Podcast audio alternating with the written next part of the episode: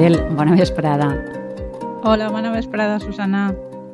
Ja m'estava embolicant, perquè avui ens parlares de música medieval i, clar, jo em referia que, clar, l'època medieval és tan llarga que de tant en tant depèn de quines coses d'aquella època que m'interessen. Això em referia, però no tenia prou de temps per explicar-ho tot.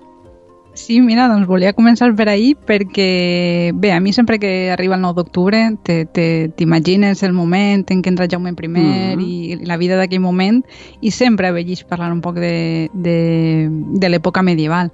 Però, com bé has dit, és que és una època molt llarga que dura, que dura mil anys i en mil anys doncs, poden passar moltes coses. Buah, eh, aleshores, eh, avui parlarem de l'edat mitjana, que és una època que té un imaginari que jo crec que tenim molt en el cap, però de vegades també el tenim un poc desvirtuat per això, perquè durant aquests mil anys canvien molt les coses i, i aleshores cal recordar això, que, que cal centrar un poc l'atenció en algun moment determinat de l'edat mitjana. Clar, així eh, deus haver triat un moment concret d'estos mil anys per a explicar-nos-ho i entenc. Sí, per paral·lelisme amb la data de l'entrada de Jaume I a València, ens centrarem en aquesta època, és a dir, eh, això va succeir entre els segles XII i XIII, que vol dir que en casa nostra s'està implantant el sistema feudal, que això implica que cada noble o cada eclesiàstic domina un tros de terra relativament xicotet o gran, depenent del seu poder, i té al seu servei uns vassalls, que seria el poble, i tots junts juren fidelitat a un rei. Però Avui no parlarem de reis, que ja ho vam fer l'any passat, sinó que se centrarem en unes figures femenines d'aquella època que coneixem amb el nom de trobadores o trobairits. Trobairits? Una paraula... Mm, m'agrada com sona. És curiosa. Sona bé i és una paraula molt antiga. Apareix en un llibre eh, que està considerat una de les primeres novel·les europees. El llibre es titula Flamenca. Està escrit també mm -hmm. en el segle XIII i està escrit en occità i per tant la paraula està en esta llengua. Este llibre, que ara ens sona així de nom molt llunyà, curiosament ara s'ha fet molt famós de nou, ha reviscolat, perquè és on s'inspira un disc d'una coneguda cantant que segur que amb unes melodies i, i veus segur que endevinareu quan la sentiu. Dime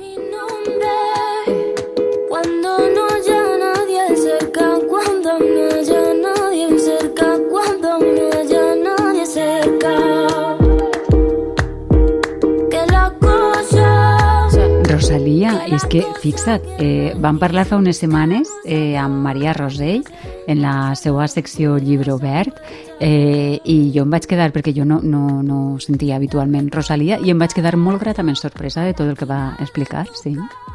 Sí, jo us recomano molt que escolteu la, la secció de Maria eh, Rossell mm. i, i que la podeu trobar a la carta o en format podcast, també a, a Rosalia. Però per als interessos nostres d'avui, eh, el seu disc, el, el Malqueré, està inspirat en este llibre flamenca que eh, insistís que és el, el primer lloc on apareix la paraula trobairits, tot i que ni les mateixes trobairits ni els seus contemporanis les anomenaren així. És un concepte que apareix, sembla ser que un poquiu més tard. -huh.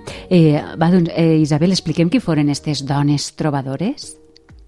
Les trobadores foren dones que, com el seu nom indica, es dedicaven a trobar. Trobar fou una activitat que es va posar de moda en aquesta època i que consistia a escriure unes poesies i la música amb què s'havien de cantar aquestes poesies perquè estaven pensades per a l'oralitat, estaven pensades per a ser transmeses cantant. La principal diferència de la poesia trobadoresca amb altres gèneres literaris lírics eh, basats en la poesia del seu passat immediat és que estaven en occità i no en llatí que en aquell temps el llatí era considerada la llengua culta enfront de la llengua anomenada en aquell moment vulgar, que serien les llengües que avui en dia diguem romàniques, eh? l'occità, el castellà, el català, etc. Si voleu, per a mm-hmm. endinsar-nos en este món trobadores, sentim un tastet d'una cançó que segur que vos sonarà això, eh? a medieval.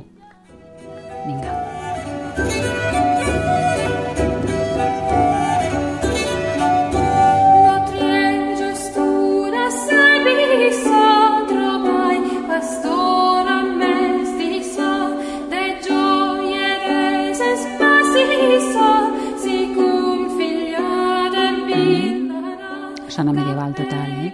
Però escolta'm, Isabel, esta pràctica de trobar eh, no era només de dones, no? Era principalment d'elles, no?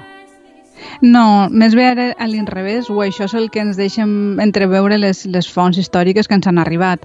De fet, això que estem escoltant, tot i que la intèrpret és una dona, la creació d'esta cançó s'atribueix a un trobador, a Marc Abrú, i és una de les primeres peces de trobadors que conservem lletra i música, que ara després explicaré per què diferencia lletra i música. Així, en principi, la majoria de trobadors són homes, d'una certa classe social que habitaven les corts d'esta zona d'Occitània, que actualment seria el sud de França i tota la seva zona d'influència, per dir-ho així, que arriba fins, a, fins al que avui dia és Navarra, l'Aragó i Catalunya. Mm -hmm. Doncs mm -hmm. molts d'estos homes pertanyien a les capes socials però a les més modestes de la noblesa i utilitzaren la moda de trobar com una espècie d'ascensor social. Ells es movien en ambients cortesans i coneixien molt bé el que passava a la cort. Aleshores podien escriure no, un poc sobre tot el, que, tot el que anaven veient. Però també en aquestes corts hi havia dones que, per la seva condició econòmica, compartien el, el marc cultural i, des, i de desenvolupament dels trobadors. Fins i tot algunes, algunes foren mecenes de trobadors. I, pel que sembla, algunes d'elles eh, va arribar un moment que, que es cansaren de ser destinatàries de les cançons i passaren a ser, eh, a ser elles mateixes les que començaren a, a compondre, a escriure i a convertir-se també en trobadores. Mm -hmm. I de què anaven aquestes cançons? Hi ha diferents gèneres, que seria molt llarg d'explicar, però sempre es mm. relaciona els trobadors amb allò que s'anomena l'amor cortès, és a dir, és com una mena de triangle amorós on tenim el trobador que canta a una dona idealitzada, que normalment és inaccessible perquè estava casada amb un senyor del qual el trobador era vassall, o sigui, era d'una altra classe social. Per tant, el trobador, quan canta les seues cançons, es lamenta de la seva dissort perquè en el sistema feudal no es concebia això de casar-se o de tindre relacions entre diferents classes socials. Tanmateix, tot això de l'exaltació de l'amor, que és el que més ens ha arribat a nosaltres i més coneixem, era un poc com un embolcall on en realitat el que s'estava com explicant és tot uns sistemes de valors que, que es vivien a les corts. El sistema de valors que regien molt les relacions entre les persones acomodades, també entre les diferents classes socials dels seus vassalls, les aspiracions dels trobadors i on també en aquestes cançons, entremesclat en aquesta narrativa de l'amor, s'incloïa crítica social i ironia. De tota manera, este estil d'amor cortés estava molt marcat eh, i les dones que escrivien cançons adaptaven tot aquest estil líric a la seva pròpia veu femenina. De fet, de vegades criticaven inclús els codis socials tan marcats de, de l'amor cortés en la seva condició de dones. Evidentment, per a mantenir aquest triangle amorós, la dona canta al trobador, que, és que, està, mm, que pertany com a una classe inferior. Aleshores és com que ha de mm. modificar un poc estos codis no? a l'hora d'escriure. Fixa't, eh, Isabel, eh, deia Joan Fuster en Diccionari per a ociosos eh, que l'amor és un invent dels trobadors. Uh, no sé si tenia certa raó o no. Eh, quantes trobairits coneixem? Doncs eh, Joan Fuster en moltes coses tenia molta raó, no, no sabria dir-te si en està en concret, però probablement sí, el nostre imaginari té molta, eh, té molta influència, ja, això de l'amor cortés, ens ha, ens ha arribat molt dins de, dins de la nostra cultura. Trobairis, quantes en coneixem? Doncs en total coneixem 350 trobadors homes i dones, però dels quals només un 5 o un 10% són dones, o sigui que és molt poquet. De tota manera, no hi ha massa acord en quina és la xifra exacta de trobairits. Hi ha autors que diuen que n'hi hagué unes 20, però d'altres arriben a mencionar que n'hi hagué quasi 40, tot i que de més de la meitat no en sabem ni el nom. Mm, normal també, d'altra banda. Eh, I per què no es posen d'acord? El problema és que tenim tan poques restes d'elles que arribar a conclusions és molt complicat. Per exemple, la biografia de molts trobadors homes eh, la coneixem a través d'unes narracions que s'anomenen vides, on s'explica un poc de forma idealitzada i resumida la vida d'estos trobadors. De vides, de trobairits, només en tenim cinc. Després n'hi ha vuit trobairits més que apareixen mencionades en la vida en una d'aquestes vides d'altres trobadors. I també ne tenim mm. algunes dibuixades en, en unes miniatures, unes il·lustracions d'alguns manuscrits. De tota manera, de la majoria d'elles, comparant-les amb altres restes d'altres manuscrits, no s'ha pogut corroborar la seva existència real. De tota manera, val a dir que això, en el cas dels homes, també, també ha passat i mai s'ha dubtat que foren homes. I escolta'm, Isabel, eh, eh, podríem escoltar, m'agradaria escoltar un, la música d'una Trobairich? Així va complicar-se encara més la cosa Ai. i ho tornaré a explicar amb xifres per a que es veja la magnitud de la tragèdia. En total, entre homes i dones, conservem uns 2.500 textos de trobadors.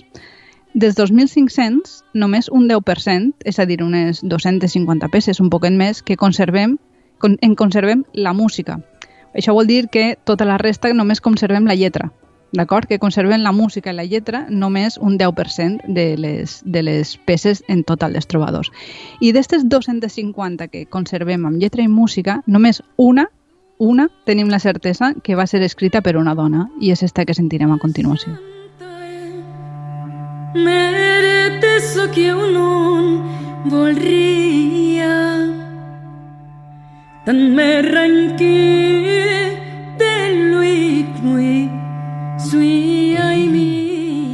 és la veu de Mar Aranda. Efectivament, és, és una de les últimes versions que s'ha fet d'esta cançó, que s'anomena A xantar mer de Soquiu non volria, que és una obra de la troveritz Beatriu de Dia, de Dia perdó, coneguda, més coneguda amb el nom de la Comtessa de Dia, i que, com, com he dit abans, fins a la data és l'única composició d'una dona trobadora que ha perviscut amb música i lletra. Mm. Però això com és possible?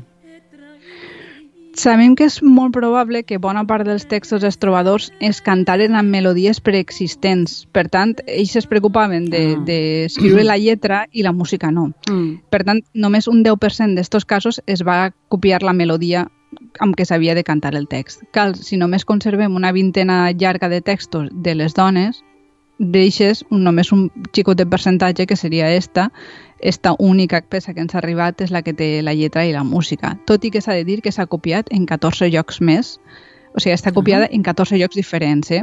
Això ens parla un poc de la... De, de, ens assegura l'existència de Beatriu de Dia i de, Sí. del, del prestigi que tenia en l'època. El manuscrit on, on hem trobat la música eh, és de finals del segle XIII i és, està situat al nord de França i es conserva junt a altres peces de trobadors. Ai, ens podries explicar més coses de Beatriu de Dia? Continua, continua la dificultat per explicar més coses Ui, perquè vaja. en sabem, en sabem molt poquetes. Sabem que va viure entre segles XII i XIII. És la troveïritz de qui més textos conservem. En, en conservem quatre, que és molt, comparat amb, amb la resta, que només en conservem una. I sabem que el seu entorn segurament eh, es deuria moure a, a l'entorn d'este poblet, que es dia al, al nord de la Provença, i s'ha especulat que probablement seria esposa o família d'algun trobador. Mm. Clar, eh, accedir a aquest tipus de coneixement per a una dona, Isabel, no seria gens fàcil. No, no, no gens. I encara sabem menys d'elles, encara sabem alguna cosa perquè, perquè escrivien en, en, en, en paper, no? i ens ha arribat el manuscrit, però encara sabem menys coses de les joglaresses, que eren algunes dones que interpretaven música en general i segurament alguna cançó dels trobadores també. Això passa perquè a l'edat mitjana hi havia una separació molt gran entre els músics teòrics i els músics pràctics. De tota manera, les trobairits són molt importants perquè gràcies a les poesies i, i que conservem d'elles podem especular parcialment sobre com serien alguns dels sentiments femenins d'aquella època, però ja, ja dic que només parcialment. Però per què només parcialment? Primer perquè els codis de la música trobadoresca estan pensats per als homes. Per tant, el que fan les dones és adaptar-los. I en, se i en segon lloc perquè tot i que sabem que hi ha molta lírica medieval que explica vivències femenines en primera persona, com poden ser les, les harxes o les càntiques d'amigo eh, en, en altres llengües, de vegades mm -hmm. no sabem si les han escrites les dones o, han, o les han escrites els homes i han utilitzat fer-se passar per una dona com un recurs líric, eh? com un recurs de l'escriptura que sí que sabem que es va fer en algun moment. I per posar un exemple d'este cas, envia, uh, podem escoltar un gènere molt famós en, en, aquell, en aquell temps i que ens ha arribat als nostres dies, que s'anomenen les cançons de malcasades o malmaridades.